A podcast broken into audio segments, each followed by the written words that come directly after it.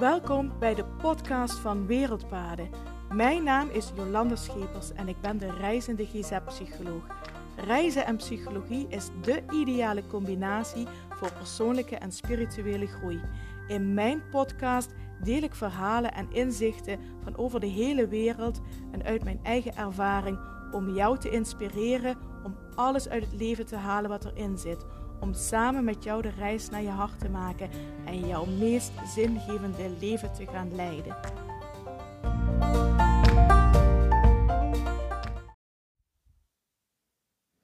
Goedemorgen, goedemiddag, goedenavond.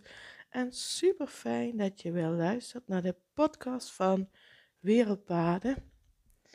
Echt super fijn. Het is nu nou ik deze podcast opneem maandag.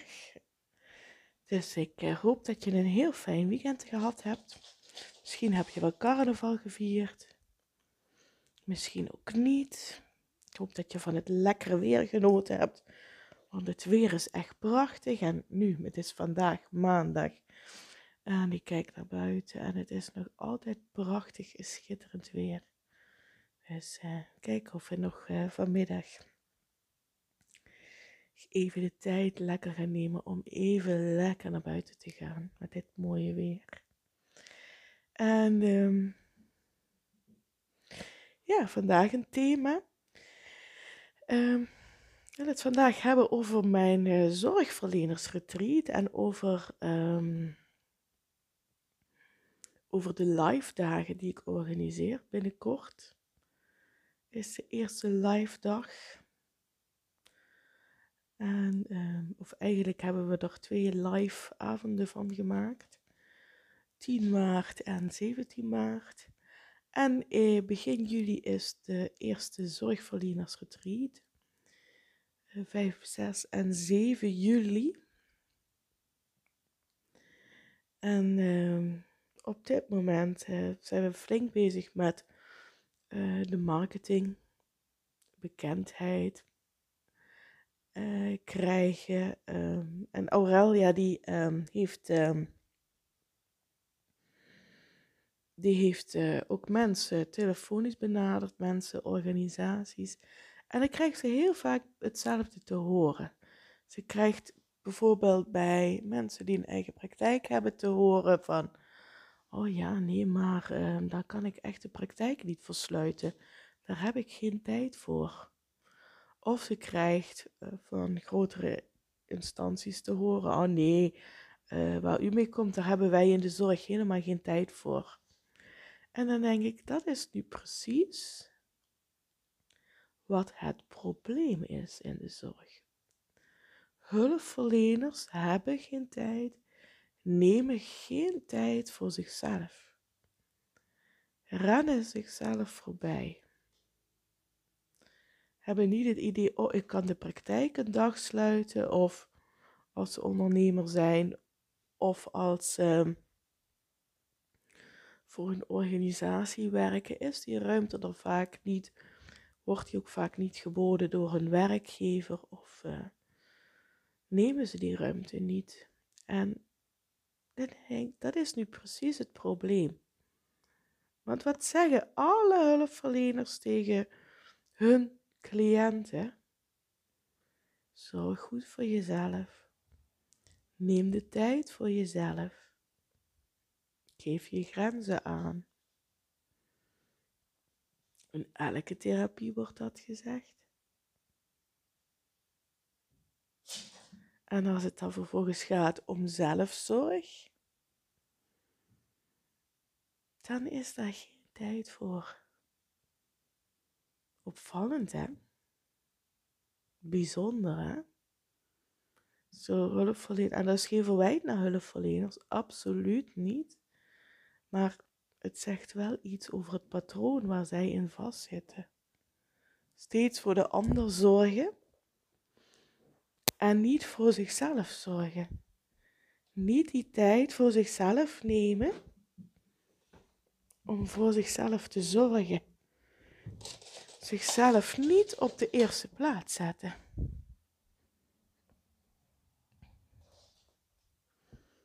Zichzelf steeds wegcijferen.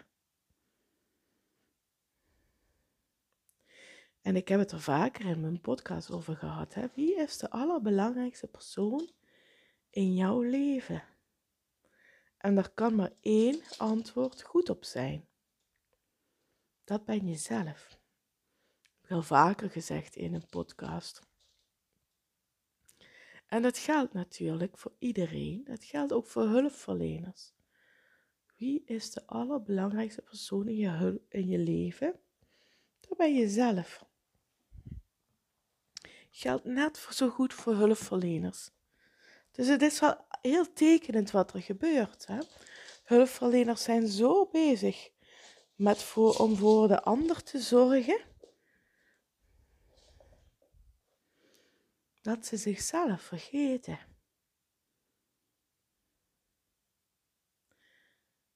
En eh, dus er is nog een hele slag te slaan.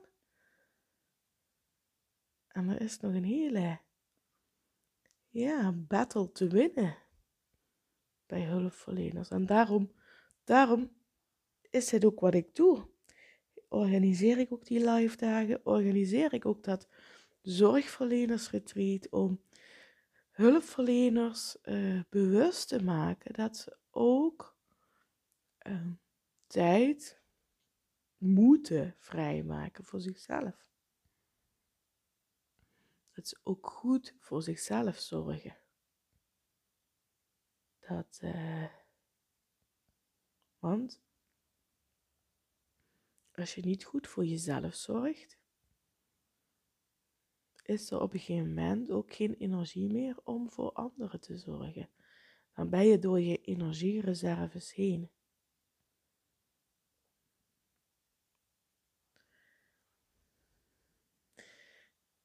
Ik vind het eigenlijk wel, ja, eigenlijk wel heel erg interessant wat er gebeurt.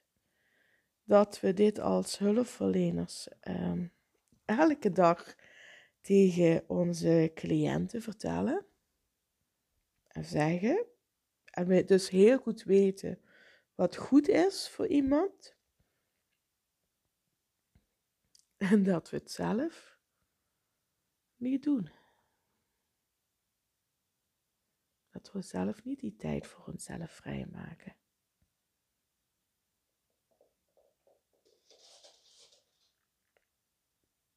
Vind ik op zich uh, interessant wat er gebeurt. En uh, ja, dus ik ben daar, uh, ik ben daar druk mee bezig om de live dagen en om het zorgverlenersretreat goed onder de aandacht te brengen. Uh, mensen reageren wel heel erg enthousiast. Ik vind het ook echt een super initiatief. Dus daar ben ik echt uh, heel erg blij om. En afgelopen vrijdag had ik nog een uh, interview met een journalist. En zij is uh, onderzoek aan doen, met name over de veranderende situatie in de jeugdzorg en de jeugd GGZ. Maar is ook wel geïnteresseerd in wat er nu speelt in de volwassen GGZ. Want eigenlijk zie je dat er een,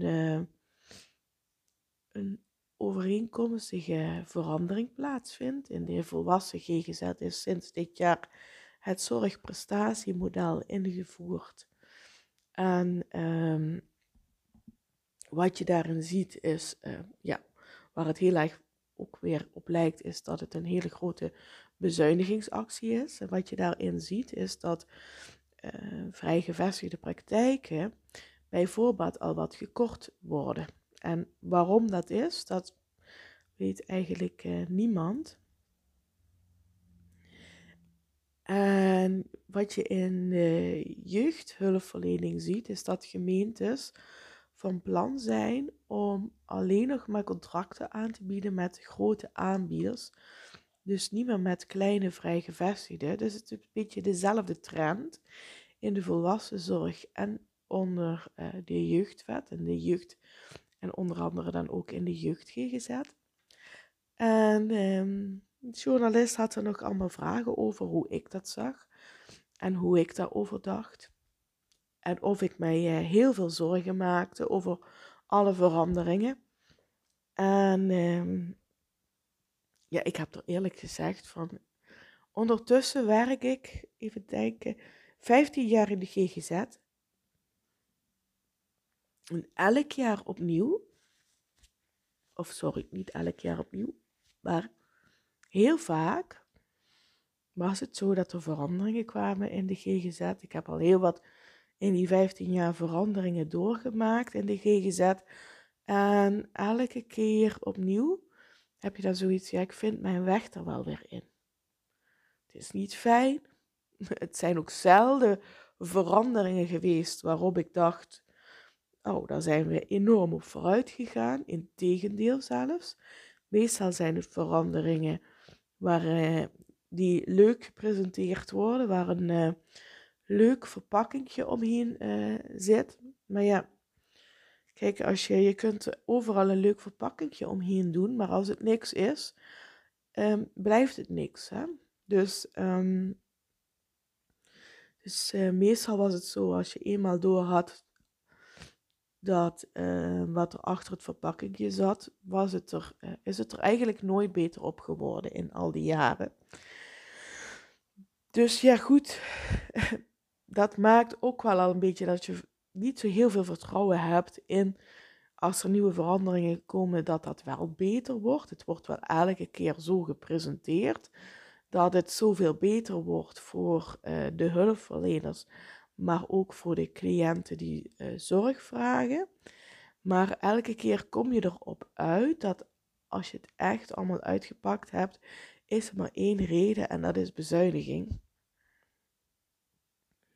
En daar lijkt het nu ook op. En um, ja, goed, ik heb ook wel door de jaren heen geleerd dat ik denk: oh ja, ik vind mijn weg wel weer. En, uh, maar dat is een overtuiging die ik uh, uh, over het algemeen in mijn leven heb. Zo van: oh ja, ik vind mijn weg wel weer. Ik, ik erop vertrouwen dat ik flexibel genoeg ben om mijn weg wel weer te vinden in alle veranderingen die er uh, plaatsvinden. Dus dat is meer dat ik het vertrouwen in mezelf heb. Dat ik er wel weer een weg in ga vinden, dan dat ik het vertrouwen in het systeem heb. Dat ze dit keer iets gaan bedenken waarop, waardoor uh, de zorg uh, opeens enorm vooruit zal gaan. Want uh, heel eerlijk heb ik dat nog nooit meegemaakt. Dus um, ja, goed, dus daar ging het interview ook over, hoe ik daarover dacht en of ik me geen zorgen maakte. En of ik mij geen zorgen maakte dat het misschien kan betekenen voor de jeugd GGZ dat ik geen contract meer krijg. En ik zei ook tegen haar, ik zeg ja, tuurlijk, ik zeg dat zou ik echt heel erg jammer vinden. Als dat zo zou zijn, maar het zou zomaar kunnen gebeuren dat ik als uh, kleine vrijgevestigde en we zijn ons nu als kleine organisaties en kleine praktijken allemaal aan het organiseren, zodat we met z'n allen één contract krijgen. Maar als dat niet zo is, ik realiseer me dat natuurlijk, realiseer ik me dat, dat dat zou kunnen betekenen dat ik uh, moet stoppen met kind- en jeugdzorg. En dat zou ik aan zich heel erg jammer vinden, want ik vind het heel erg leuk om met eh, kinderen te werken en met jongeren te werken. Dus dat zou ik voor mezelf heel erg jammer vinden. Maar voor mezelf denk ik, oké, ik vind daar mijn weg wel weer in.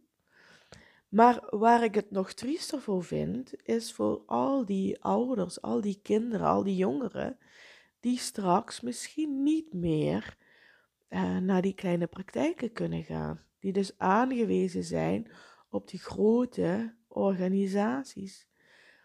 Um, en dat zou ik voor um, alle ouders, kinderen en jongeren heel erg triest vinden.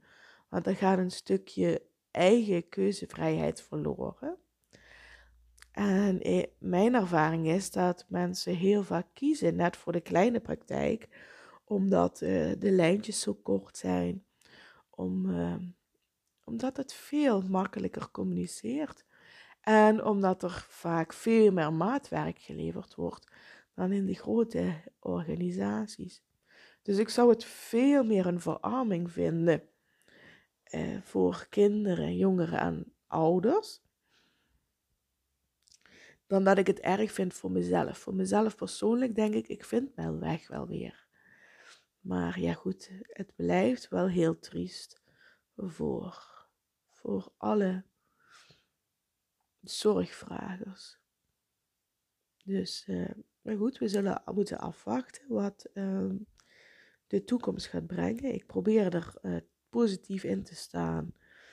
En uh, dat ook de kleine vrijgevestigden in, um, in de stichting waarin wij, wij ons gaan organiseren, dat we alsnog het contract krijgen en dat wij alsnog als kleine praktijken um, die uh, zorg kunnen blijven bieden.